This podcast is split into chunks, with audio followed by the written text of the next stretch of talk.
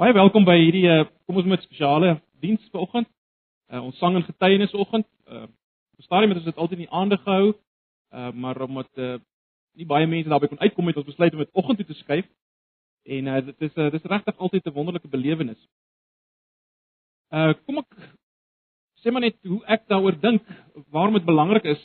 Uh ons het nou ons is besig met Hebreërs en ek dink julle sou raak gesien het in Hebreërs hoe belangrik dit is dat ons sal deur geloof sal vat dit wat God in Jesus vir ons gedoen het.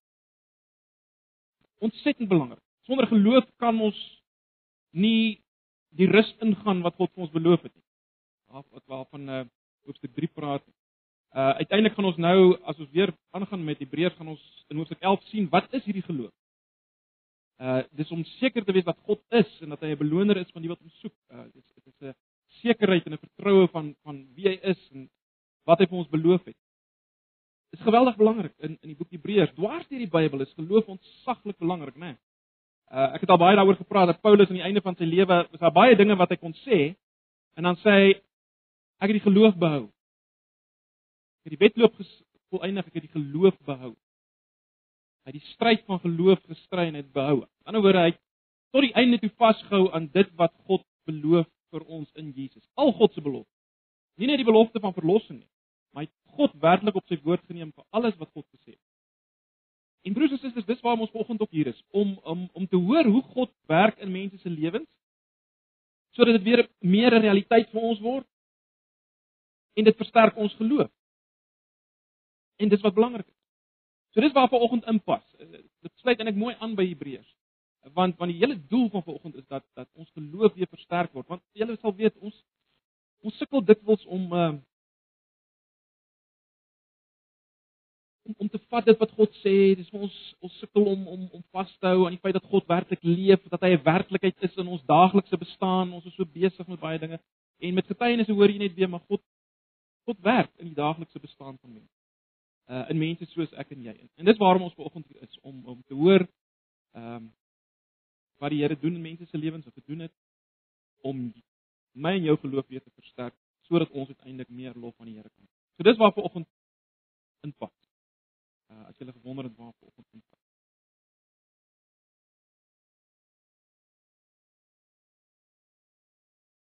Môre almal. My naam is Rita vir die wat my nie ken nie. Ehm um, soos Psalm 66 sê. Kom luister, almal wat vir God ontsag het, sodat ek kan vertel wat hy vir my gedoen het. Om 2, 3 jaar se gebeure op te som is nog 'n uitdaging. Maar baie groter is die uitdaging om vas te pen wat God in my lewe gedoen het. Maar hier volg baie nederige poging. Net 'n bietjie agtergrond sodat julle alles in konteks kan verstaan. Ehm um, ek het 'n klein besigheidjie gehad met twee ander uh mede-eienaars. 'n uh, Klein besigheidjie ons het vir 'n paar mensies werk gee. En in my eie kop het ek gedink hierdie is nou my neseiers vir eendag dit is hoe ek nou gewik het maar of dit anders geskik. Uh Desember 2011 het ons 'n tyding gekry dat 'n baie groot kontrak gekanselleer word.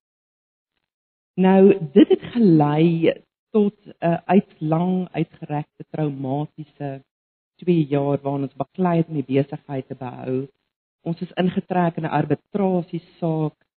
Ehm um, nou omdat daar onregmatigheid betrokke was met die kansellasie van die kontrak ehm um, die besigheidswêreld kan maar partyke baie oneerlik wees. As ons redelik verseker eh uh, dat ons die saak gaan wen en die arbitrasie saak was maar basies net 'n formaliteit om dinge af te dwing. Tydens die arbitrasie sitting het 'n persoon na vore getree en die negende gebod oortree. Dit is nog 'n belewenis om so iets te ervaar waar iemand net blaatant voor God kan jok. Maar nou ja, dit is die regter tot geen ander keuse gelos as om teen ons te beslis nie. Om 'n lang storie kort te maak, ons sê die saak verloor. Um ons moes die personeel ongelukkig laat gaan wat baie traumaties was want mense funksioneer soos 'n mikrogesin. En um ons het daarna so stuk stuk maar dele van die maatskappy verkoop as gevolg van finansiële las en toe nou natuurlik van so 'n aard dat ek later aan werkloos was. Nou dit daar gelaat. Die absolute vrymagtige soewereiniteit van God is vir my 'n vreeslike paradoks. Dit is 'n skrikwekkende vertroosting. Want ek weet wat hy wil verordineer hy en dit gebeur. Ek wil net 'n vinnige dingetjie mag ek maar voorlees want uh, ons almal weet dit, maar ek dink dit is goed dat ons net herinner word. Wanneer ons besef dat God 'n absolute besitreg op ons en ons eiendom het. Sal ons twee keer dink voordat ons beswaar maak teen lyding. Dan buig ons onder die wil van God en besef ons dat selfs die ergste teistering nog steeds minder is as wat ons verdien. Dit is natuurlik om te kla as daar teenspoed en smarte kom. Mense is lus om te huil as iets wat na in jou hart lê, as jy dit verloor. 'n Mens voel ook dat as jy jou doel getrou en fliks nagejaag het, jy sukses verdien. En indien dit nie gebeur nie, kom daar gewoonlik 'n protes op wat direk of indirek teen God gerig is. Maar wie God se gesag in sy lewe verstaan, kla nie meer oor sy omstandighede nie. Ek kan waarlik getuig dat God alles ten goeie laat meewerk vir die wat hom liefhet, die wat volgens sy besluit beroep is maar hierdie proses gaan nie sonder meer gepaard sonder baie trane en frustrasies en angs en kommer nie. En ek dink almal van julle kan julle eie goedjies aanlas. Dit daar gelaat. Ek wonder of mense van vandag se lewe nog glo aan idols, afgode. Nou, in my gebedslewe en in my gedagtegang het het Jesus al hoe meer en meer een in my lewe ontbloot. En ek hoef seker nie vir julle nou te sê wat dit is. Dit was my werk.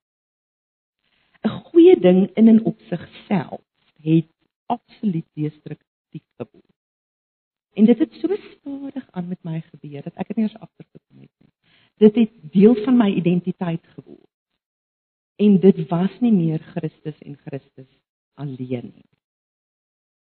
Nou ons Here wat hart en verstand weer en die onsigbare sien, het so baie vertakkings van hierdie idol ontbloot wat geveg het om die troon van my hart. En mens voel eintlik nou skaam om dit te noem, maar ek wil graag want ek wil getuig van hoe Jesus gesond maak. Dinge soos uh gevoelens van superioriteit teenoor kollegas en mense vir wie jy werk, die autoriteit, uh ongesonde wetywering, daai tipe van goed. Genadiglik het Jesus vir my so saggies, so saggies elke ding uitgewys en ek kon dit bely en ek het ek het gesmeek om vergifnis en bevryding en hy het hy het dit vir my gegee. Nou deur hierdie proses was ek ook 'n aanslag vir baie donker aanslae. En ek het besoekers ontvang. Ek ek noem hulle besoekers wat my lewe net verder versuur het en my soms in geloofsonsekerheid gedompel het. Ek het agtergekom dat as gebrokenheid aan jou deur klop, nie lank daarna nie dan kom moedeloosheid. Dit is asof moedeloosheid gebrokenheid agtervolg. Maar die Here is naby gebrokenes en hy help die moedeloos en daar is nie regverdige Al word hy die hoeveel rampe getref, die Here red hom deur almal. Op sy tyd wat perfek is. Nou hier het Jesus my geleer om elke liewe gedagte met vrymoedigheid te kom bely. Van wantroue tot frustrasie tot angs, bekommernis.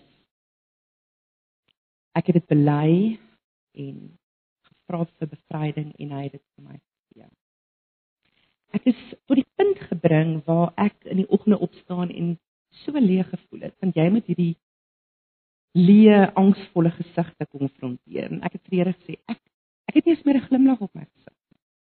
Ek het nie positiewe woorde nie. U sal dit moet doen want ek kan. En hy het.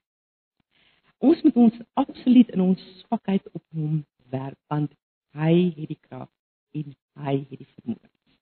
En die Heilige Gees is so wonderlik. Hy gee abundantly meer as waarvoor ons vra. Nou 'n ander besoeker wat ek ontvang het wat ek verskriklik geskokken was was Job se vrou. En sy het vir my tot raserny gedryf. Ek kon dit net nie glo nie. Ek gaan nie vir julle voorlees wat Job se vrou gedoen het nie, maar doen dit myself. En ek sê vir my ek wil nooit iets met haar te doen hê. En sy het vir my net tot 'n keerpunt gedryf. En ek was so moedeloos oor al die eksterne en interne faktore dat ek 'n gesprek met ons God gehad het oor Jeremia 17 vers 9 en Matteus 13. Hierdie is 'n stukkie uit my dagboek uit. Ek glo julle gaan moedeloosheid hier raak sien. Here, U het my lank tevore al my tevore aan my ontbloot hoe bedrieglik my hart is. Maar dit het myself so bedrieg dat my lewenswandel met U tot nou toe 'n klug was. Is dit moontlik dat ek daardie saadjie is tussen die on wat tussen die onkruid beland? Gaan hierdie wêreld se druk my geloof versmoor? Ek dink julle kan fisiese en emosionele moegheid daarop identifiseer. Nou in retrospek kan ek nie mooi onthou wat ek nou eintlik verwag het van die vraende gebed nie. Ek weet nie. Maar wat ek wel weet is dat ons Here dit beantwoord het op 'n manier wat my verwagtinge totaal oortref. Hy het my gevul met 'n vreugde en 'n genot, 'n absolute berusting en 'n genoegsaamheid in God self. Dit is asof die Here homself openbaar het op 'n ander manier in hierdie unieke situasie wat in goedheid en volheid absoluut alles oortref.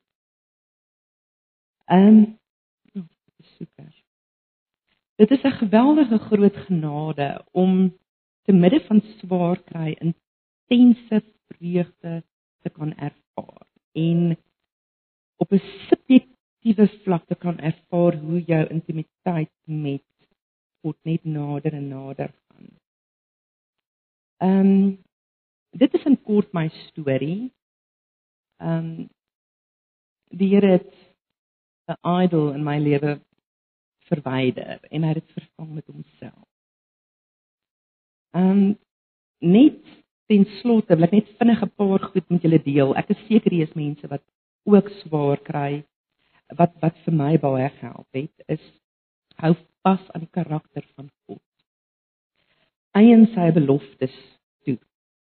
Gebed, gebed, gebed, gebed.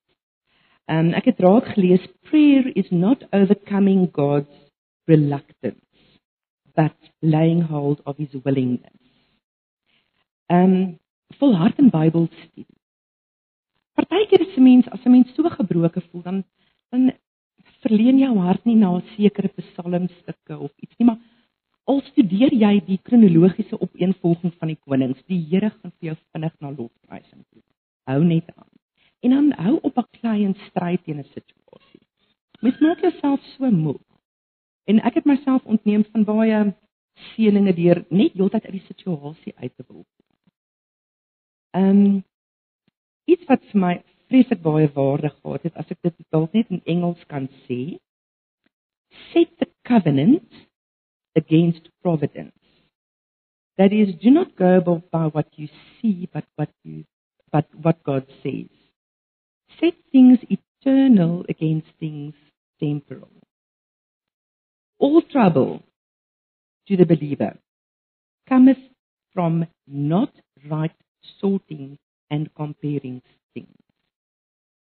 Seeking that on earth which is only to be had in heaven and seeking that in the creature which is only to be had in God, and looking for that from self which is only to be found in Christ, and seeking that in the law which is only to be had in the gospel.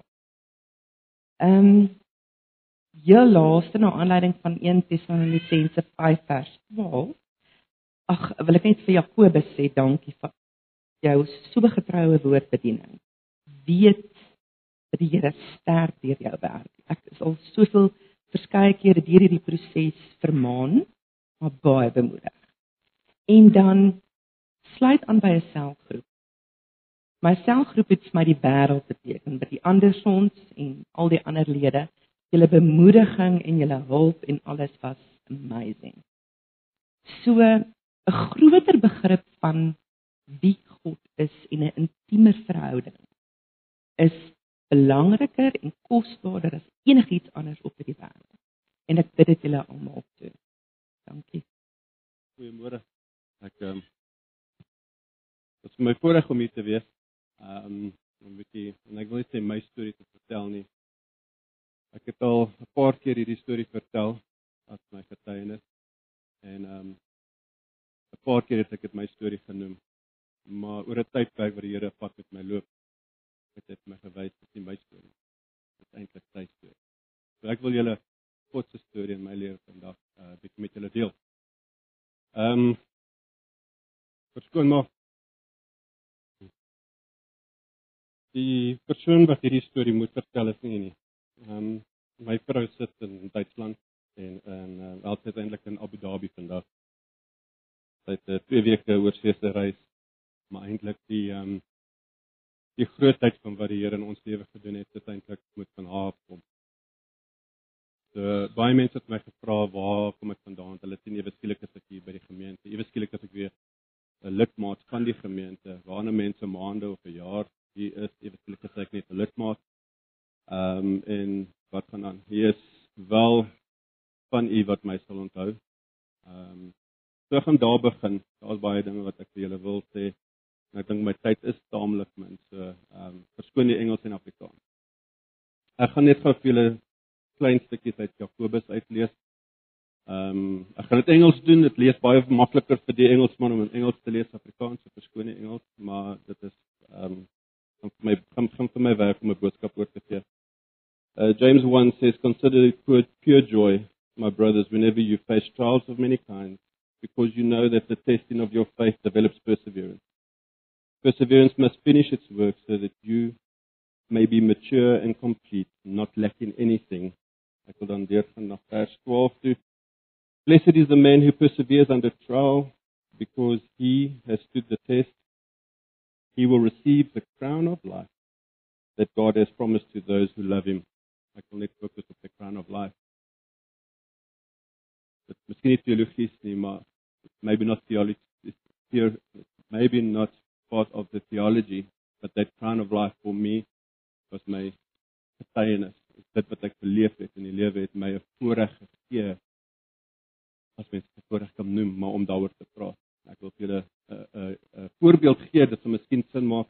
My skoonma se lede van breinkanker 'n paar jaar gelede, so 7 jaar gelede, Ehm um, dit het dan net die crown of life gegee waar sy met mense kon praat want sy is baie naby aan haar ma en sy kon met mense relate oor hoe dit voel om iemand te verloor deur 'n siekte. Dit was haar crown of life. Wat is my crown of life?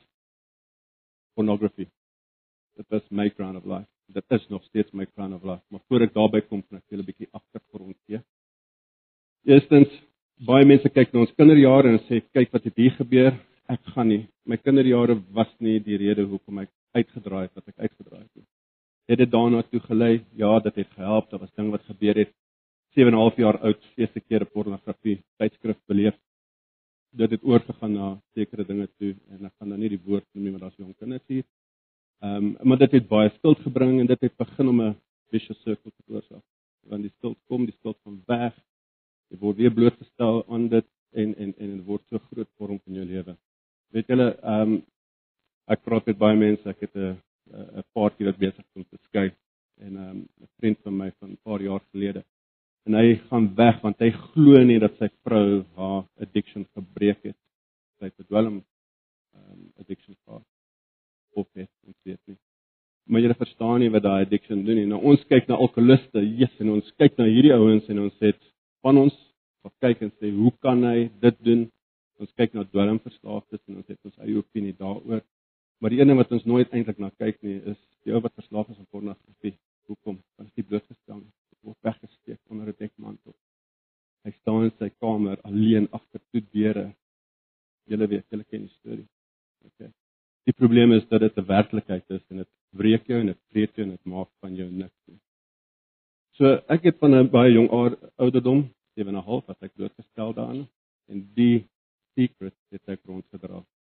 Die probleem is die secret het my so verander as mens want ek kon nie meer na 'n vrou kyk sonder om daai denkwyse. Ek voel my gedagtes is polluted met fisiese images wat ek gesien het op tydskrif op daai stadium. Nou is dit nog erger. Ek kan nou kan jy dit op 'n selfoon kry. En ek dink baie van ons hier sukkel daarmee want dit is so maklik om dit te kry. Dis nog erger ons ry by die strate af. Ek bly in Engeland as ons oor die berg kom. So rukkie gelede was daar hierdie groot plakate van die tipe slides wat ek heel wat baie kere op die op die internet mee was besig was. Dit word geadverteer. Dinge word geadverteer soos seksbou. En dit is word geadverteer op so 'n mate dat 'n persoon soos ek wat al daai images hier in my gedagtes het, dit trigger net so. Ek sien dit.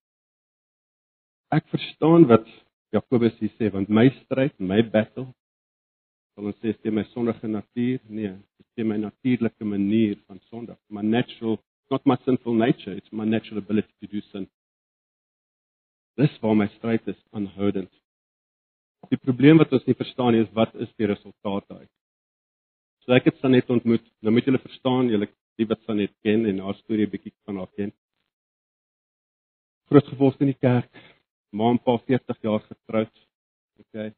Ek en sy gaan op ons eerste date en uh julle het nou 'n bietjie van agtergrond en waar ek myself bevind en ek sê vir haar, "Oké, waar toe gaan dit? Ek wil my tyd mors nie. ek wil weet waarna toe gaan dit." En sy net is baie cheeky soos wat sy is en sy wys my 'n ring haar en sy sê vir my, "You want this?" Put a ring on my finger. Ja, okay.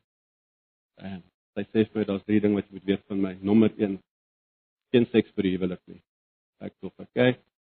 Mm, move on. Failed. Eh, not going to work. Not with this guy. Nommer 2 sê sy vir my ons familie is baie na aan mekaar. My ma en pa op daai stadium was al 32, 33 jaar getroud. Ehm um, drie broers, ons is baie naby aan mekaar. So ons is ek is 'n familiepersoon. En ek het in 'n koshuis groot geword. Basies my hele lewe. My ma is tans met 'n vierde man, so ek het nie daai konsep van familie nie. Die derde ding wat sy vir my sê is almal skree blou bulle, tog ek kyk cool. Daar sê ek daarom 33% kan miskien 'n slaag wees in sekere omstandighede. Maar dit was sy net. Dit was haar denkwyse en sy was rigid daar. En sy het my daar ek wou glad nie met haar aangaan het persoon nie. Maar die Here het ander ander idee gehad. En uh 8 maande later is ons getroud. Kan jy glo waar ek sê, "Eh, you fail." Ons het getroud. Die probleem was in die begin toe ek en sy bymekaar kom het ek besef ek het 'n pad en ek sê 'n pad met die Here geloop want ek was nog nooit werklik bekeer nie. Ek het geglo ek was bekeer want ek het 'n paar keer gebed gedoen. Maar ek het nooit 'n verandering in my lewe beleef waar ek voel dat dit wat verander is, kan ek nie verander. Dit wat verander is, is iemand anders, is 'n God, is 'n groter wese as ek wat dit verander het. In elk geval en ehm um, die eerste paar jaar was fyn, die eerste 3 jaar. Uh Nisha was gebore en so en marital bliss. Um, ek het my besigheid begin ewe skielik het ek access tot die internet gehad. Ehm um, onder wat ek laat werk en so aan. Ek het nooit gedeel en dis waar ek sê ek was nie volgens ek glo nie ek was bekeer nie want die Here het nooit daai secret van my het hy nooit verwerk nie nie. Hy het dit nooit deel weggevat van my af nie. Ehm um, ek het dit vasgehou. Ek kon nie. dit was my secret. Ehm um, nou daar's iets wat ek wil gou vir julle biologies 'n uh, biology class biology biology class gee verskoon. Um the way God created is just absolutely awesome. For me to act out in a action, in other words, for me to punch someone, I can't just do it. I have to feel anger. So I have to have an emotion that's created. But that emotion has to be created by a thought. This, and the thought is activated by something you hear, taste or smell or see through your senses. God created us that way. So as ek sê chocolate koek, dan seker van julle gedagte het daarvan. Iemand gaan ma of ouma Grietjie se chocolate koek nou kan proe. Dis hoe die Here ons gemaak het, ons geskaap het. Die probleem is die sondige wêreld. Die duiwel weet presies om dit te manipuleer. So my huwelik was besig om goed te gaan. Ek was besig om naby aan die Here. Ons was byvoorbeeld ons is in 'n uh, um, stukkie van 'n spysekerk in Morelette NG en ek was die visie voorsitter van Aksie P+ as julle daai gemeente ken, was dit die huweliksbediening. Ek maak sukkel met pornografie. Weird, né? My sinus was daar weggesteek, niemand kan dit sien nie. Ehm um, die probleem is hoe meer ek my deur my oë my gedagtes beloed het met hierdie nonsens wat op die internet was wat ek gaan soek het. Hoe meer ek dit gedoen het, hoe meer het dit begin in my manifesteer in gedagtes en in emosies, lust, desires, all that. Eendag sit ek by die werk en ehm um, 'n jong dame, ek het 'n besigheid gehad, 'n tyre besigheid van die partner vir die wat enigins weet wat dit. Jong dame het ingeloop presies die look wat ek van hou het en so aan. En daar was 'n verhouding wat wat wat begin het. Ehm um, dan net in Nisha was die enigste twee in my lewe op daai stadium.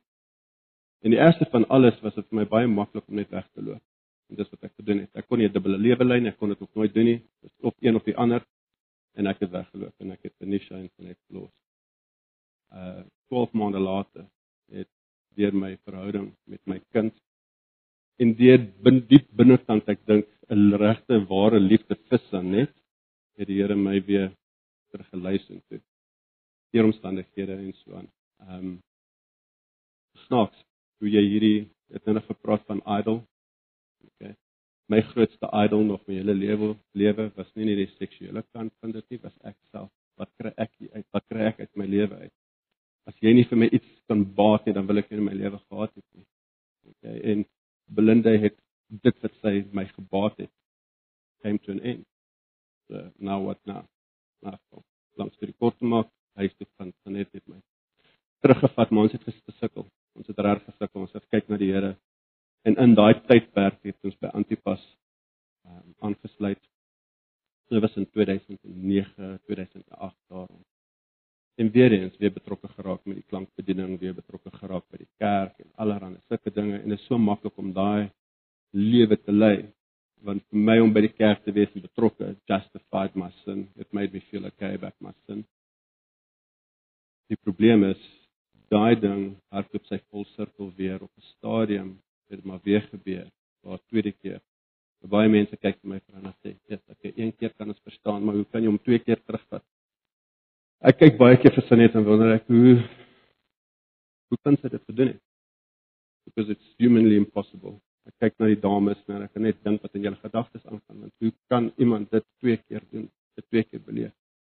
Die erns van die saak is Dit is nie net die twee keer nie, dit is al die tekste, dit is al die keer op wat ek op sites was. Elke liewe keer wat ek 'n ander vrou begeer het, het ek haar verneem.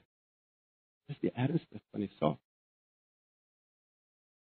Ek kan nie vir julle verduidelik wat daai gedagte vir my gedoen het nie. Daar was twee gedagtes. Dit was die een tot op 'n punt waar die Here toe regtig ingegryp het in my lewe. Maar dit was die een gedagte wat ek baie mee gesukkel het. Die ander ding wat ek gesukkel het. Julle het my dogter al gesien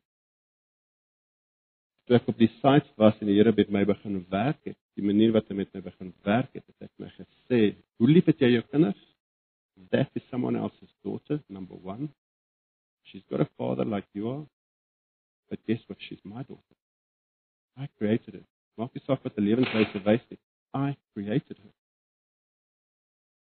En dit het my hart geslaan. Dit het my gekry tot 'n punt na my na die Here my gered het waar ek Dit is hoe ek dit beklei. Dit is hoe ek daai gier en daai addiction vandag nog beklei. Dis because die Here het my twee dogters gegee. Twee beeldskone dogtertjies gegee en in dit besef ek I don't want anybody looking at my children like that. Who am I to look at their children like that? Anyway, so dit het die tweede keer gebeur. Ek het weer eens vasgevang, vasgeraak in die in die pornografie. Die keer was dit nog makliker vir my. Ek was oor see baie ek en sy net sukkel sukkel sukkel want sy net my teruggevat want sy weet dis reg vir die kinders nie noodwendig reg vir haar nie ehm um, of reg vir Nisha. En ehm um, weer eens vasgevang in die pornografie en daai ding het homself uitgewerk waar ek weer eens in 'n situasie was waar ek die keer vir 'n baas gewerk het maar die besigheid gerand en daar was 'n dame binne in die konteks van daardie besigheid. En ek het die tweede keer die huis verlaat Die lied wat ons nou net gesing het, nou maak dit vir my soveel waarde that God's grace must be so massive. for me because my sin is not small and it's not just once. Ek kyk na die engele. Hulle het een keer gesondig as hulle uit die hemel uitgegooi. Ek kyk vir Adam en Eva. Hy het een keer gesondig as hy paradys uitgegooi. Adam deserve grace and yet he gives it. Maar ek weet nie, ek het nie woorde daarvoor nie. Anyway, die keer was nie baie lank nie. Dit was regtig 3 maande, 4 maande situasie. Op daai stadium was Michelle al eers 'n klein babietjie. Maat begin siek word. Ek het net binne my geweet elke liewe dag ek is besig om droog te maak. Ek is besig. Ek het gesmag om weer 'n verhouding met my vrou te hê. Ek het gesmag. Nee, ek nie die Here dit in my ingelê. Ek het gesmag om by die huis te kan wees. Ek het met Sanet gepraat. Die Here het op haar ook gewerk want ek glo nie sy as mens het die vermoë om my te vergewe soos wat sy my vergewe het nie. Dit is maar deur God se genade dat haar hy haar so daarna toe gelei het. In elk geval, um, ons het weer by mekaar gekom. Maar die Here was baie slim. Jy sien, elke keer wat dit bietjie moeilik gaan tussen my en Sanet, dan is ek besig om uit die land uit te reis. So ek het my dinge mooi beplan. Ehm um, en op 'n dag kry ek 'n ons is besig om baie goed te doen. Ek het hierdie besigheid gevat en die besigheid heeltemal onderste bo gedraai en dit was winsgewend en alles het goed gegaan. Die eienaar sit in in in Atlanta in, in FSA. Ehm um, hy raak siek, terminale kanker, maatskappy word gekonsolideer, kom ek sit so 'n werk. Nie 'n probleem gehad nie want ehm um, hey, ek wil vinnig weer werk, ek het 'n goeie geskiedenis in my loopbaan. En daar sit ek maand in maand uit. En elke keer wat dit begin prys tussen my en Sanet, kan ek nie meer op 'n vliegtuig spring en wegvlieg nie. Nou moet ek hierdie goed prys. En ek onthou op 'n stadium ek het gerook vir baie jare, 26 jaar gerook. En ek het buitekant gesit en ek was besig met 'n sigaret en besig op die een of ander site vir 'n chat site of iets. En ek onthou ek 'n gevoel kry van ek is so moeg. Net daai gevoel van just kan nie meer so aangaan nie. Ek dink nie aan selfmoord nie, kyk, dis nie my vaartyd nie, maar ek is net so moeg vir al hierdie nonsens wat ek in my lewe inbring. Maar so vinnig as wat die gedagte gekom het, net so vinnig die gedagte weer aangaan want ek ek moet van werk so plek so gebreek en al. Ons kom op 'n punt ek is net waar ons een aand beklei, maar sodat ons lanklaas beklei. Selfs die kinders is net weg. En ons sit in die kombuis Ons het hier fight en my swaar het my genooi vir 'n golf. Ek is baie lief vir golf speel en ons gaan golf speel en ek is nou geretrench, so ek kry my kans om golf te speel nie. So vir my nou 'n treat. Ek gaan nou van golf speel. En um, ons beklein ek dink aan die dag wat kom, die golf sal met kom en al die tipe goed. En elke nou en dan kyk ek net na haar en ek sê net vir haar ek skep my kop net laat sy weet ek luister. En op 'n stadium kyk ek vir en terug vir sien en ek is bly want julle Afrikaners het die perfekte manier om dit te uit te beeld. As dit pas so kyk net in 'n oomblik, wys die Here vir my haar seer. Haar bitterheid. Maar julle Afrikaanse woord gal, dis al wat ek gesien het. Dit is net so gal sien. En my reaksie was 'n reaksie van wat ek wou sê is hier my gedagtes was no wonder I hate you. En dryf wat dit spaar vas het my vrou gehad. Ek kon nie dit eers dink nie. Want so vinnig wat ek dit wou dink, lê die Here dit op my hart. Sy is siek omdat jy die siekte aangebring het. Jy ken daai phrase julle seker almal baie keer gehoor, Lord break my heart for what breaks yours. En dan kyk ons buite, ons kyk ons na die armoede. Ons kyk na die government, ons kyk daar, daar, ons kyk oralste van die sleg daar buite man. Sien nie hoe ons sleg God se hart breek nie en op daai oomblik breek God my hart op so 'n mate dat ek geweet het en hy sê well ek voel het my sê pray pray now. Nou ek hoop julle sal dan net ken so wat ek wat ek ook ken. When she's in a fight she's like a bull in a china shop. You cannot stop that woman. Sy is nie 'n direkteur vir niks nie. There's a reason she's a director because she's stubborn as hell en sy sal nooit toelaat dat ek net pas sê weer so stop nou dit is wat ons moet doen. Nie maak dit op verstaan ek het al gesê we need to pray we need to pray now. Dit doen stil vra dit langs my kom kniel. En ek het niks gehad om mee te verloor nie. En die Here het my toegelaat en dit is sy genade om te bely vir hom en my vrou van elke keer wat ek al verneek het of dit op 'n selfoon was of dit in 'n chatroom was of dit fisies was, maak nie saak met alles op die tafel te sit. En hier is die miracle. Ek lees eendag en ek het die Here gevra om vir my dit te verduidelik. Die Here sê, Here Jesus sê vir sy disippels, julle gaan you're going to make do greater miracles than even I. What's the greatest miracle that Jesus did? It was raising Lazarus, Lazarus from the dead. If he's raised Lazarus from the dead, that's a great miracle. I don't see people doing greater miracles than that today. So where are these great miracles? Jesus explained to me. En het my my lewe gewys. Die grootste miracle wat plaasvind op 'n daily basis is 'n heart of stone is replaced by a heart of flesh and God does it, not Russell. Ek val nog steeds baie keer met my denkwyse. Ek hanteer my vrou nog steeds nie soos wat ek moet nie, soos wat Christus die kerk hanteer nie. Ons is vir omtrent so 2 maande ek het met Jakobus aan daai aand gedeel, 2 maande wat ons beskruiklik haat, beskruiklik. Sy's onder baie druk. Ek soek siek. Ek soek iets en sy soek iets en ons mis mekaar. Ek kry nog steeds reg nie, maar dit is wat Jakobus vir my sê. Dis wat Paulus sê ons moet volhard, ons moet daai wedloop deur hardloop. Dit is ons wedloop elke liewe dag. Die getuienis wat ek vir julle wil gee is dat God 'n man kan vat soos myself. It's a wicked of wicked. Ek bedoel, the only thing I didn't do was commit murder, but I mean in my mind many times I have. En ons weet alles wat sê Jesus en wat jy hier doen, is eintlik 'n werklikheid. Okay. Body Bacham sê dit die beste vir my. Ehm um, en eintlik Paul Washer doen ook. Hulle sê dat dit is maar net deur God se genade dat ek nie 'n Adolf Hitler of 'n mass murderer, 'n Ted Bundy is, is maar deur sy genade en deur sy liefde. Want dit is my vermoë en ek dink dit is meeste van ons se vermoë om dit te kan doen. So ek wil vir die Here dankie sê vir die geleentheid om terug te wees hier by Antipas en ek wil net gou vir julle ietsie daai en dit is nie om Jakobus iets goeds te laat blyk nie maar ek wil vir julle ietsie sê en wat ek hoop vir julle ook 'n uh, ehm um, security op 'n mate kan gee. So die tweede keer wat ek weg is by van Sanet af, wat ek die huis verlaat, kry ek 'n e-pos van Jakobus af. Dit kon drie se drie bladsy. En Jakobus sê vir my baie mooi wat hy voel en wat hy dink van my, nie op 'n aardse manier nie, maar volgens die woord. Na die woord gewys die hele tyd. Ek het my kerkdissipline geleer. Nou ek vra vir julle wat by talle ander gemeenthede al was of gemeentes was, regte woord. Hoeveel keer beleef ons kerkdissipline binne 'n kerk? Ons doen dit nie. Weet julle my rede om terug te kom antipas toe? Dis 'n klein witness net om klaar te maak en dis God's glory. Ek het blootgestel aan reformed uh, teaching Paul Washer kom um uh, John MacArthur kom aan en ek het hulle bestudeer se kom by 'n kerk in te pas want daar's so baie prosperity daar buite. Daar's so baie kerke wat alles preek behalwe 'n reine woord.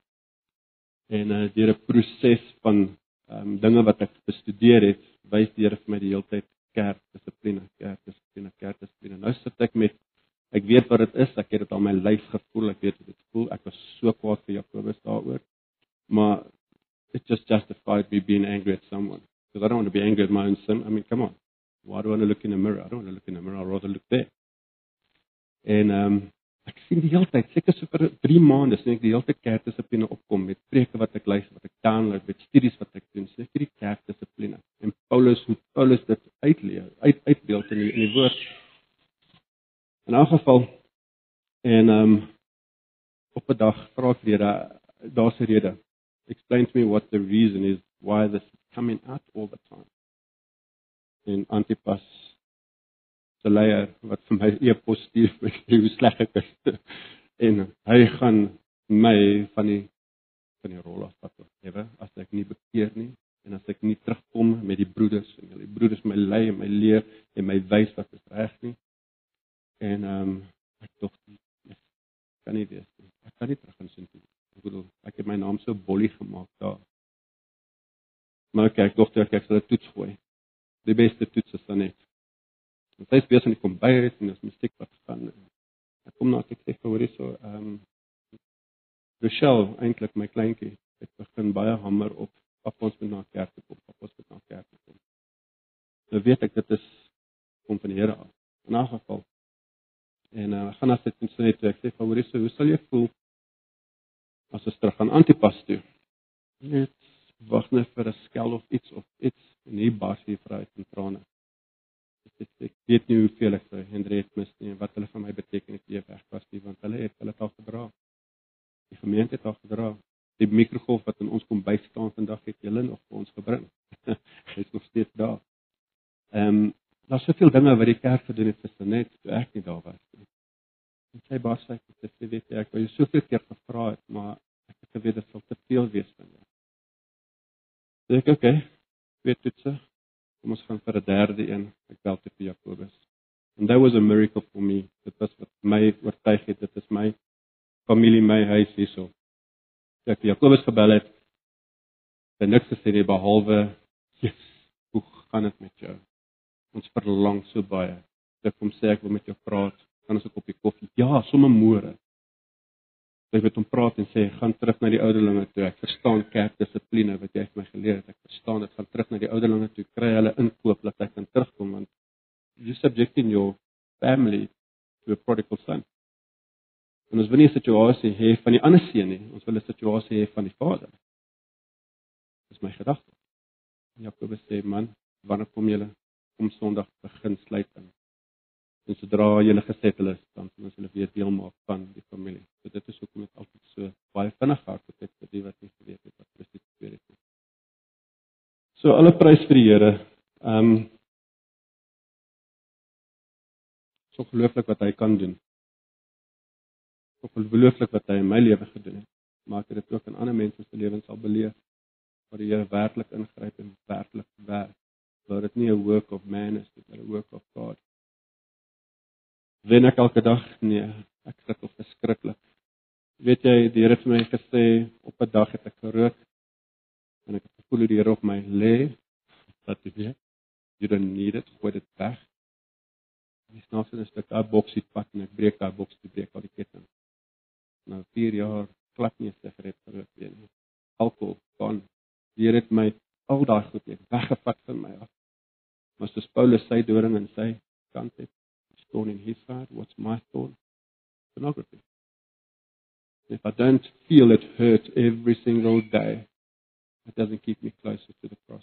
Dit is in dit is wat ek voel die Here doen met ons die kruis het my ongelooflike waarde want ek weet waarna waarvandaan dit kom en ek het 'n constant reminder van waarvandaan kom. Daai waarde van die kruis wat Christus gedoen het, is my soveel meer omdat ek daardie doring het.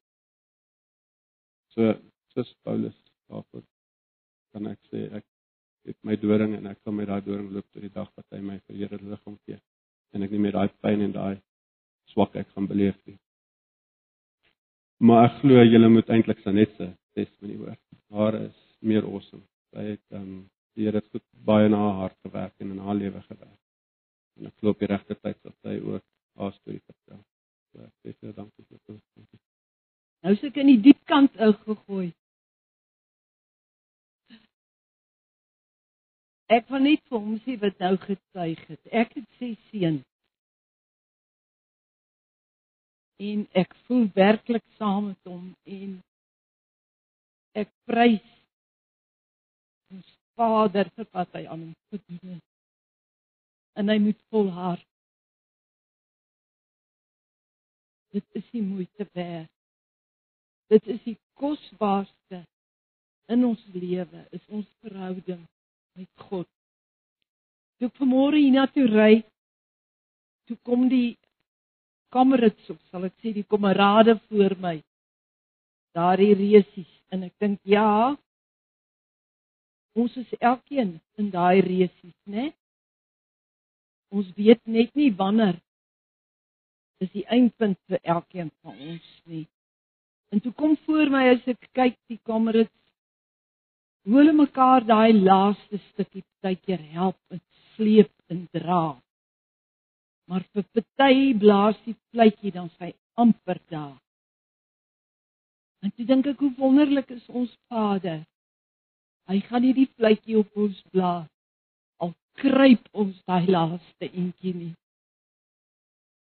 Want wie hardloop almal die kamerits? in hierdie lewe, die kamerads van die werklike lewe, is die kinders van die Here en die wêreldling, hulle wat nog verduister is, wat nog blind is vir wat werklik waarde het. En die wat se oë nog nie geopen is, die kan om daardie einddoel te bereik wat hulle dink is hulle einddoel, miskien rykdom, miskien wat ook al groot gesonde liggaam of wat ook al is nog verblind deur Satan, né? Nee?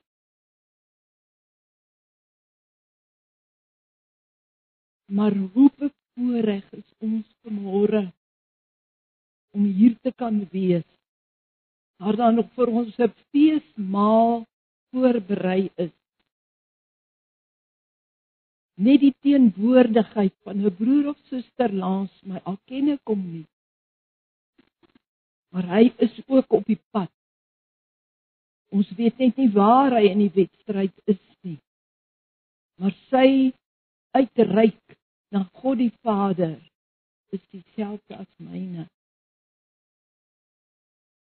En dit is net 'n baie groot voorreg om vanmôre hier saam met die kinders van die Here te wees. En kyk die pragt en praal waaronder ons kan wees. Kyk ons leier met sy kinders wat net so verantwoordelikhede het as elkeen wat 'n gesin het en hy en sy vroutjie giet hulle absoluut uit vir ons.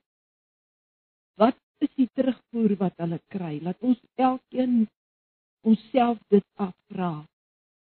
Is ons optrede so dat ons hulle versterk en bemoedig?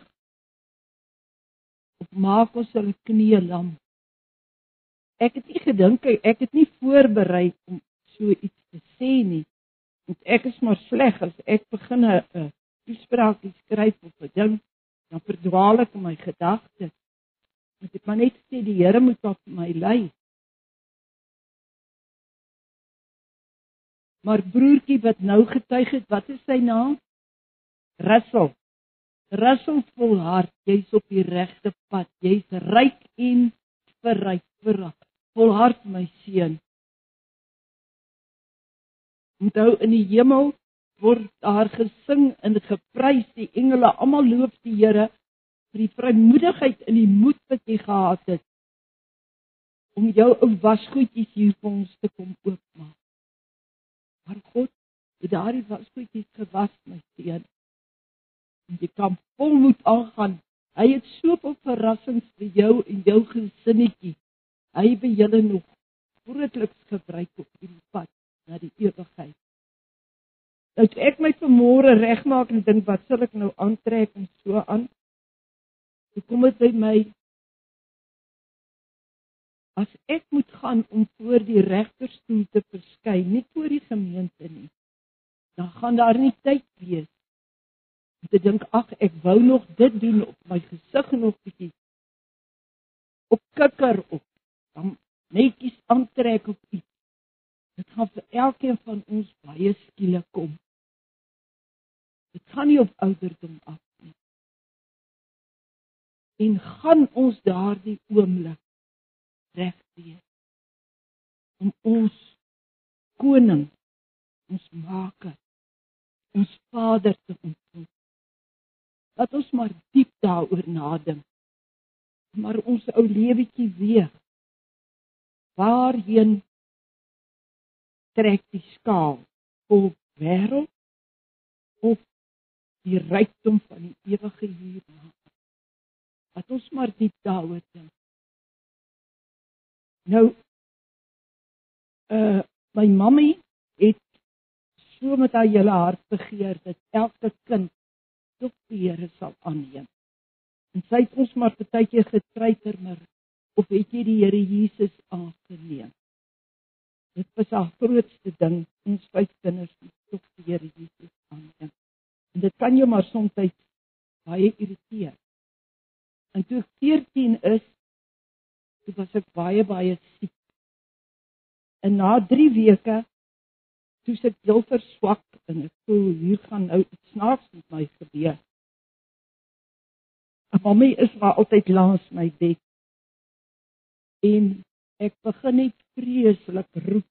Here Jesus help my. Here Jesus help my. Daar was nie meer mamy help my nie. Eers het ek net aan mamy vasgeklou. En mamy neem toe haar kans waar sy sê my jy moet die Here Jesus aanneem. En mamy help my toe en ek neem toe die Here Jesus aan. En ek onthou die ou mense het gepraat van kragdadig tot bekering gekom. En ek hoor mamy die mense vertel en Betsy, die Elisabeth, die ek my naam was toe Betsy. Uh in die huis genoem. En Betsy het kragdadig tot bekering gekom. Al het ek nou nie daai kragdadigheid gevoel of regtig verstaan nie. Wat die Here het ek goed, mamma is sou as mamma gelewe het, sou sy nou so ja 115 jaar oud gewees het. En ek is nou Augustus is ek nou 82. So mamma is oorlede toe sy 84 is. So ek het nou lank die pad alleen geloop. Maar mamma het vir my die wonderlike voorbeeld en nalatenskap gegee van om die Here te ken. En ek is deur baie baie storms in my lewe en die Here het my deurgedra. Al was dit nie maklik nie. Het hy vir my wonderbaarlik deurgedra. Nou verlede jaar uh, Maart maand, onthou dit die 6de Maart, daar was iets wat ek nie verstaan het in my rug en pyne en goed nie. En ek toe gaan toe sommer na 'n ander dokter toe. En sy stuur my toe vir plate. En toe kom die uitslag, ek het spinaal stenose. Nou as julle nou nie weet nie wat ek julle leer. Dis die laaste wervel gaan in dan druk hy op die rugmerk en dan is jy later verlam in jou bene en dan sit 'n reis toe. Nou dit was vir my baie swaar om te verwerk.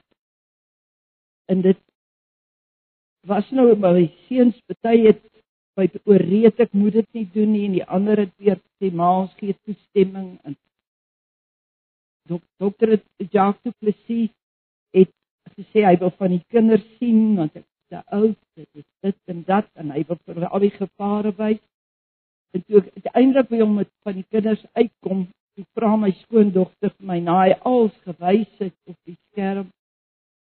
Sy sê sy vir my dokter sê vir my as ek nou jou moeder is, wat sou jy gedoen het? En hy sê kop wat sak en hy het gesê ek sou die kans vat. Sy sê sy, maar ek wil hê jy moet vir my op die kans vat.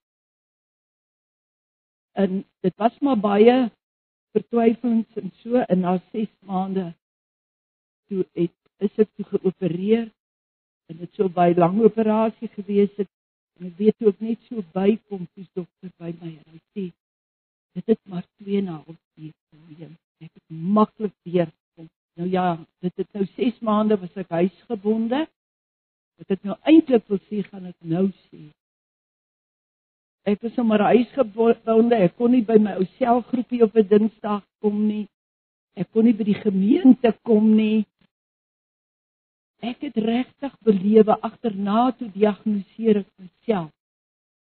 En ek vind toe uit daai koeltjie wat eenkant gesit het, het sy uit te verloor.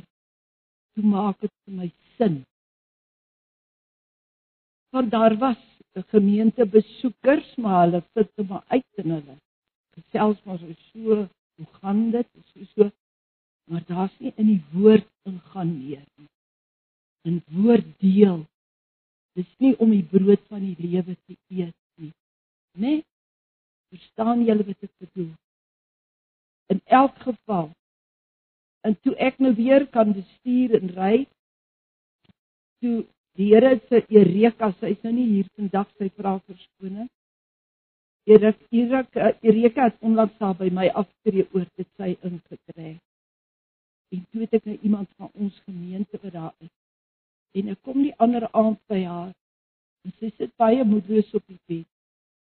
En ek sê vir hoe lyk dit jong, wat gaan aan? Sy sê man, ons nou visse vang om by ons groep selfgroep groep. Sy sê waar gaan ek vang? Hier tussen hierdie ou mense. Hulle het mos nou almal hulle manier en hulle ding. Ek sê man hier se vis, ek wil gevang wees, vang my. ons het eintlik so gelag daaroor oor hierdie vis wat so gewillig is om gevang te word. En ek is toe en my kinders wil nie ek moet in die aand ry nie. En Pikkie en Hester is so wonderlik hulle laai van my en Erika donderdag aand op. En dit is nou als baie pragtig en lekker natuurlik.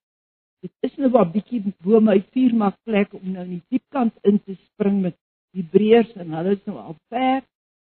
My opsommingsvermoë is nie so brei maar net daardie saamwees, daai innige saamwees, nie oor ditjies en daadjies nie, maar om ons grootste behoefte, ons grootste honger, ons grootste nood wat net in God se woord kan versadig word deur sy woord, kan ons daar deel.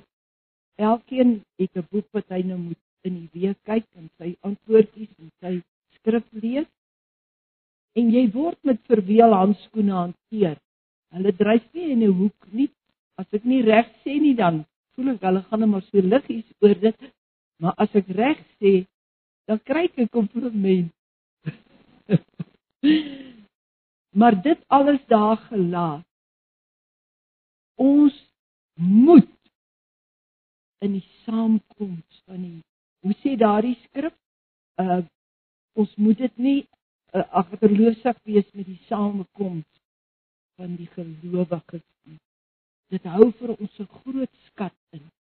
Ek weet as families met kindertjies en dinge en dinge, daar kan dalk 'n beurt gemaak word dat die man een week gaan of die vrou ander, maar ons word so geestelik versterk vir hierdie wedloop waarin elkeen van ons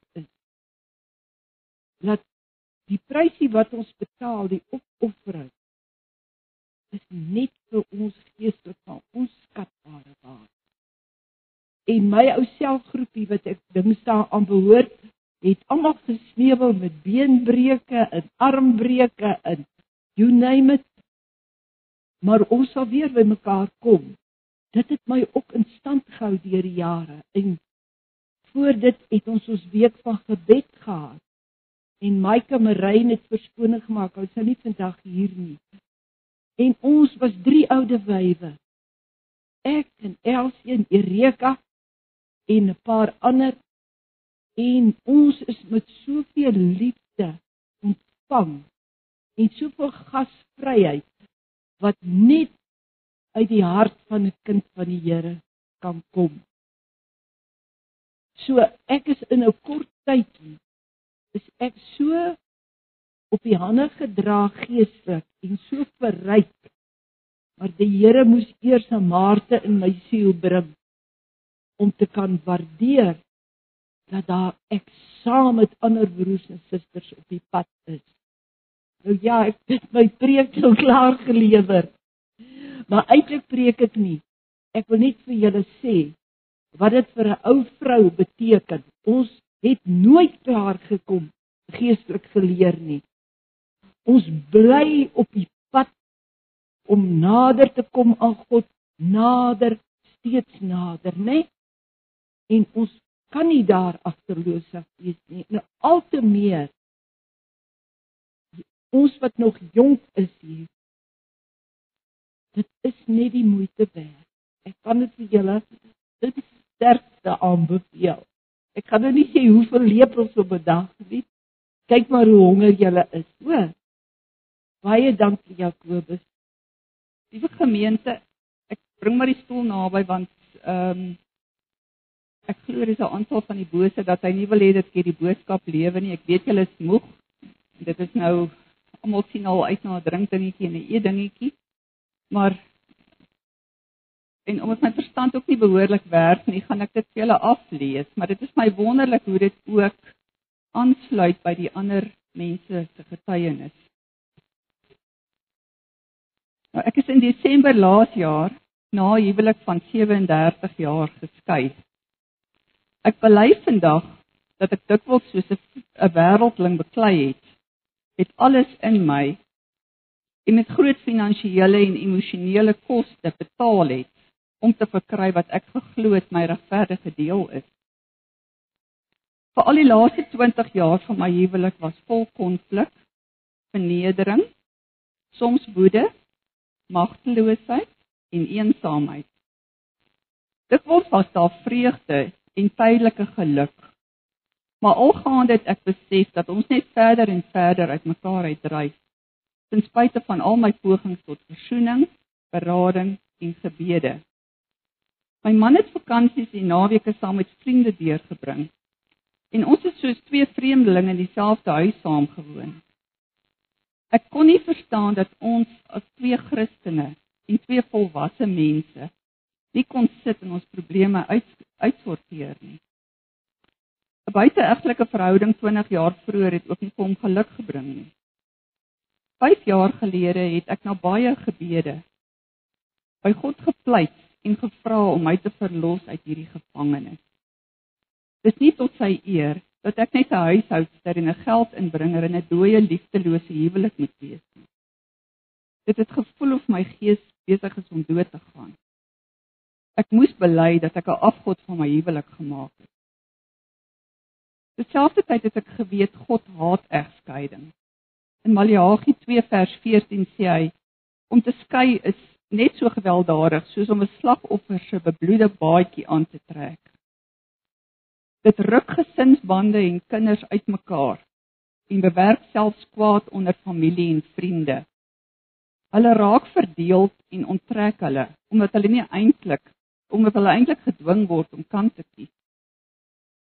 Na 4 jaar se duur onchristelike bekleierery onder regslei prokureurs en advokate wat later net oorgegaan het in 'n persoonlike moddergooiery, het God my oortuig om te stop met die egskeiding. Ek is letterlik tot my sinne geruk. My geld, die bietjie wat ek gehad het, want alles was op my man se naam en sonder my wete in trust en ander bankrekenings belê, was gedaan. My eer deur skinderpraatjies vernietig en my toekoms duister. My verhouding met mense en pasiënte was dikwels liefdeloos gejaag, afsydig, soms bitter en selfs depressief. En vrese oor die toekoms en my aftrede het aan my geknaag. Nogtans was God in hierdie tyd my troos, my redder, my leidsman.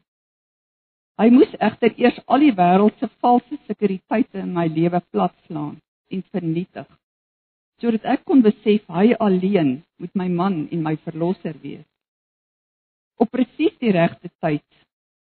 sien sy net nou uit, sy gaan dit nou nie hoor nie. Het Annelie, het God vir Annelie Marie 'n SMS vir my gestuur. Dit was die 18de Julie 2011. Hosea 2 vers 18. Ek gaan jou aan my ek ek ek gaan jou my bruid maak vir altyd. Ek gaan jou aan my bind deur my weldade en my goeie sorg. Deur my liefde en ontferming Ek gaan jou aan my bind deur my onverbreekbare trou, sodat jy aan my, die Here, toegewys sal wees. Dit was vir my 'n wonderlike berusting om God roekeloos in my lewe en in hierdie situasie te kon vertrou, om alles ten goeie te laat meewerk, omdat ek hom liefhet en vertrou. Terselfdertyd het wêreldse dinge van my begin afrol. Menslike opinies van wêreldlinge kon my nie meer seermaak nie trots kon afgebreek word. My eie op opinies en besluite was dikwels dwaasheid en my eer is gefestig in wat Christus vir my aan die kruis gedoen het. My gedagtes kon vernuwe word. Ek kon vrygemaak word van baie wêreldse laste en geld en finansiële sekuriteite. En uh en finansiële sekuriteit is volgens Bybelse voorskrifte in die regte plek geplaas. Met hierdie proses sal God steeds voortgaan en my die regte pad leer. Dis te verstaan dat egskeiding steeds verskille onder gemeentelede en selfs die leierskap in 'n kerk na vore sal bring. Daar's gevra of die kerk dan nou egskeiding goedkeur. Ek het dit baie waardeer dat Jakobus met my kom praat het oor my egskeiding en dat ek my saak ook aan hom kon stel. Dit is soos Hebreërs in Hebreërs verwys, die kerk se plig om sy lidmate in liefde te vermaan. en na hulle uit te reik en terugvoer dan ook in die gemeente te gee. Die gemeente se liefdevolle navraag en, en veral hulle gebede het gesorg vir baie goddelike wysheid en vertroosting en selfs teregwysing. Ons moenie mekaar se ruggies krap en saam beskinder en selfs wêreldse raad gee wat vir ons as Christene logies en reg klink nie. Na meer as 4 jaar van prokureursbriewe, hofgedinge, advokaatkonsultasies en baie onkoste, het 'n medegelowige my oortuig om my egskeidingsstaak te staak, uh, saak te staak. My man was nie bereid om voort te gaan met die huwelik nie. Hebreërs 10 vers 34 sê dat uh en en ook 1 Korintiërs 6 dat toe Christene van hulle besittings beroof is, het hulle dit met vrymoedigheid aanvaar, omdat hulle geweet het dat hulle 'n beter en 'n permanente besitting het. Hier was 'n kans wat ek nie weer my vingers kon laat glip om God onvoorwaardelik te vertrou nie. Ek het aan my man geskryf dat hy my enige vergoeding kan gee wat hy wou en dat dit selfs reg sal wees as hy my niks sou gee nie. God is my voorsiener in alles. Hy's nou my man en ek het hom op sy menige beloftes in sy woord begin neem. Onder andere dat hy weet wat hy vir my beplan. Voorspoed en nie teëspoed nie. Hy sê in Jeremia 39 vers 11, hy wil vir my 'n toekoms gee, 'n verwagting. Ek het hierdie selfde Christenvriend wat voorgestel het dat ek die dat ek my laat beloof berowe, gevra om die Bybelse beginsel van 1 Korintiërs 6 toe te pas. Dit gaan oor regsaake tussen gelowiges. As julle oor alledaagse dinge geskille het, laat julle laat julle dan die mense as regters optree oor wie die gemeente neersien? Ek sê dit om julle skaam te maak. Is daar dan nie 'n enkele verstandige mens onder julle wat 'n saak tussen gelowiges kan besleg nie? Mag aan een gelowige nou met 'n ander hof toe en dit voor ongelowige regters. Eintlik is julle saak al klaar verlore omdat julle hofsaake met mekaar het. Waarom lei julle nie liewe onreg nie? Waarom laat julle nie liewer tekort doen nie? Onder baie gebed het ons drie persone, dit is nou my man en die ander persoon, binne 2 ure skikking bereik wat regslei in 4 jaar nie kon doen nie. My man het ingestem om 'n sekere vergoeding te gee. Ek sal waarskynlik nooit kan aftree met wat ek gekry het nie, maar God sal daarvoor voorsien. Al sal dit dalk ook swaar gaan. Ek en my man kan in vrede sake afhandel en kan met mekaar in wederwysige respek kommunikeer en ouers vir ons drie pragtige kinders wees. Die hartseer om die liefde van my lewe te verloor, het God weggeneem en gevul met baie dankbaarheid teenoor God en my naaste. Terselfdertyd het God 'n roeping op my lewe geplaas om mense te waarsku dat sy wederkoms baie naby is. Omdat hy ons as sy bruid liefhet, gaan hy die afgode in ons lewens as stitte vir ons dien, afbreek. God se oordeel begin in sy kerk. Afgode wat valse sekuriteite is soos materiële welfaart, 'n voldoende pensioen wat opgebou is, ons huwelike, wêreldse plesier en sondes soos onderlinge verdeeldheid, onvergewensgesindheid, morele verval, jaloesie, geskindery onder Christene, gaan hy openbaar en verwyder sodat ons kan leer om hom op hom alleen te vertrou. God deel sy eer met niks en niemand nie. Ons moet leer om mekaar in liefde en nederigheid te dien en die een hoër te ag as onsself. Terselfdertyd moet ons vas staan in die Here en mekaar se teregwysings kan vat en ons sonde kan bely voor God. Ons geloof moet getuig van God se krag en ons moet alle louheid in die kerk uitroei. In ons ek weet nie of dit kuddegroepe is of selgroepe nie. Almal praat van selgroepe, maar ek verneem is kuddegroepe. Uh kan en moet ons veilig voel om ons diepste probleme en ons sondes te kan bely en vir mekaar te bid. Ons moet baie meer bid. Aanhoudend bid en God vra om ons te lei en te beskerm. Ons moet leer om ons eie wil en gewoontes te sterk sodat Christus in ons kan lewe. Vergifnis vir ander gelowiges is nie afhanklik daarvan of jy ander persoon dit vir jou gee of vra of hoe jy voel nie, maar oor wat Christus vir jou vergewe het en van die dood daardeur van die dood gered het. Daarom kan en moet jy enige iemand enige iets kan vergewe sodat jou gebede nie verhinder kan word nie. Ons moet God vra om ons harte vir onsself te wys sodat ons kan sien wat vir God hartseer maak. Dis veral deur die Bybel te lees. Dit is die swaard van die Gees. Ons sal met afskeen en skok vervul wees al het ons met ons logiese denke onsself geregverdig. Ons mag dink ons harte is van vleis, maar dalk is dit in God se oë nog harte van klip. Jeremia 17 vers 9 en 10 sê: Die hart is bedriegliker as enige iets anders. Hy's ongeneeslik. Wie kan hom verstaan? Ek die Here, deurgrond en toets hart en verstand. Ek laat die mens kry wat hy verdien, wat hom toekom vir wat hy doen. Dis skokkend om in Matteus 24 te hoor dat Jesus sê dat in die eindtyd sal die ongeregtigheid vermeerder word en die liefde van die meeste sal verkoel. En baie sal tot struikel gebring word, mekaar verraai en selfs haat. Ons moet besef ons is gewikkel in 'n stryd teen die bose. Ons stryd is nie teen mense nie, maar teen bose magte en owerhede van Satan. Ons moet die volle wapenrusting van God aan hê om staande te kan bly. Verder moet ons ons ou natuur af lê, anders is ons 'n oop teken vir onder andere morele sondes. Ons moet op ons hoede wees dat ons nie verloor wat ons deur ons arbeid verkry het nie, maar 'n volle loon ontvang. Maar die Gees sê uitdruklik dat in die laaste tye sommige van die geloof afvallig sal word en verleidende geeste en leerlinge van duiwels sal aanhang. God gaan sy kerk suiwer en afsny waarmee hy nie tevrede is nie. Dit gaan vir ons hartseer en soms pynlik wees, maar ons moet God daarmee vertrou. Die oordeel begin in die kerk. Ons moet vertrou dat God in daardie mense se lewens sal werk om hulle bruilofsklere te reinig of om die slegte invloede onder ons te verwyder. Daai gedeelte ook wat sê as die arm jou laat struikel, kap hom af.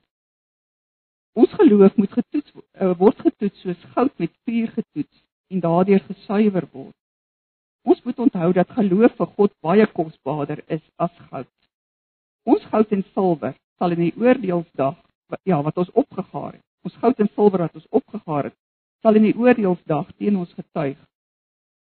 Ons moet ons geld gebruik om goed te doen aan die wat God aan ons wys om dit aan te doen.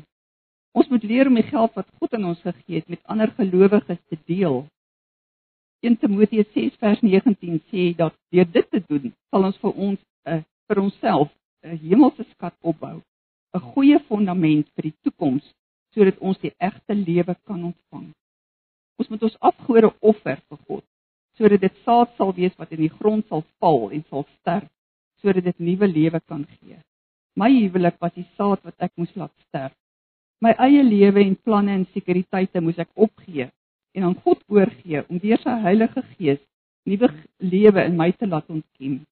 Maar hierdie nie, hierdie nuwe lewe wat Christus in jou begin moet groei. Dikwels deur swaar kry sodat jy deel kan word van die oorvloedige oes wat God eendag kom insamel as hy terugkom na die aarde toe. As ons op aarde hier liks en in lewe leef, en net vir onsself en 'n hartelus elke behoefte bevredig, sê Jakobus 5 vers 5, ons harte is mooi vet gemaak, net reg vir die slagdag. Ons redding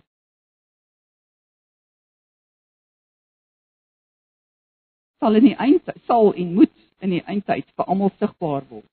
Laat ons wagters wees op die mure wat die besyne blaas en mense waarsku dat God se koms voor die deur is. Anders kan hulle bloed van ons hande geëis word. Laat ons mekaar aanmoedig, soos Hebreërs ook sê, om te volhard in die geloof. Gereeld ons by gemeentebyeenkomste by te woon en om deel te word van hierdie huiskuddegroepe wat soveel seën vir die wat reeds daaraan behoort bring. Daniël 12 vers 10 sê dat baie sal gereinig en gesuiwer en gelouter word in die laaste dae, maar die goddelose sal goddeloos handel en geen een van die goddelose sal verstaan nie, maar die verstandige sal verstaan. Openbaring 22 vers 12 sê en kyk, ek kom en my loon is by my om elkeen te vergeld soos sy werk sal wees. Mag God ons genadig wees om te volhard tot die einde.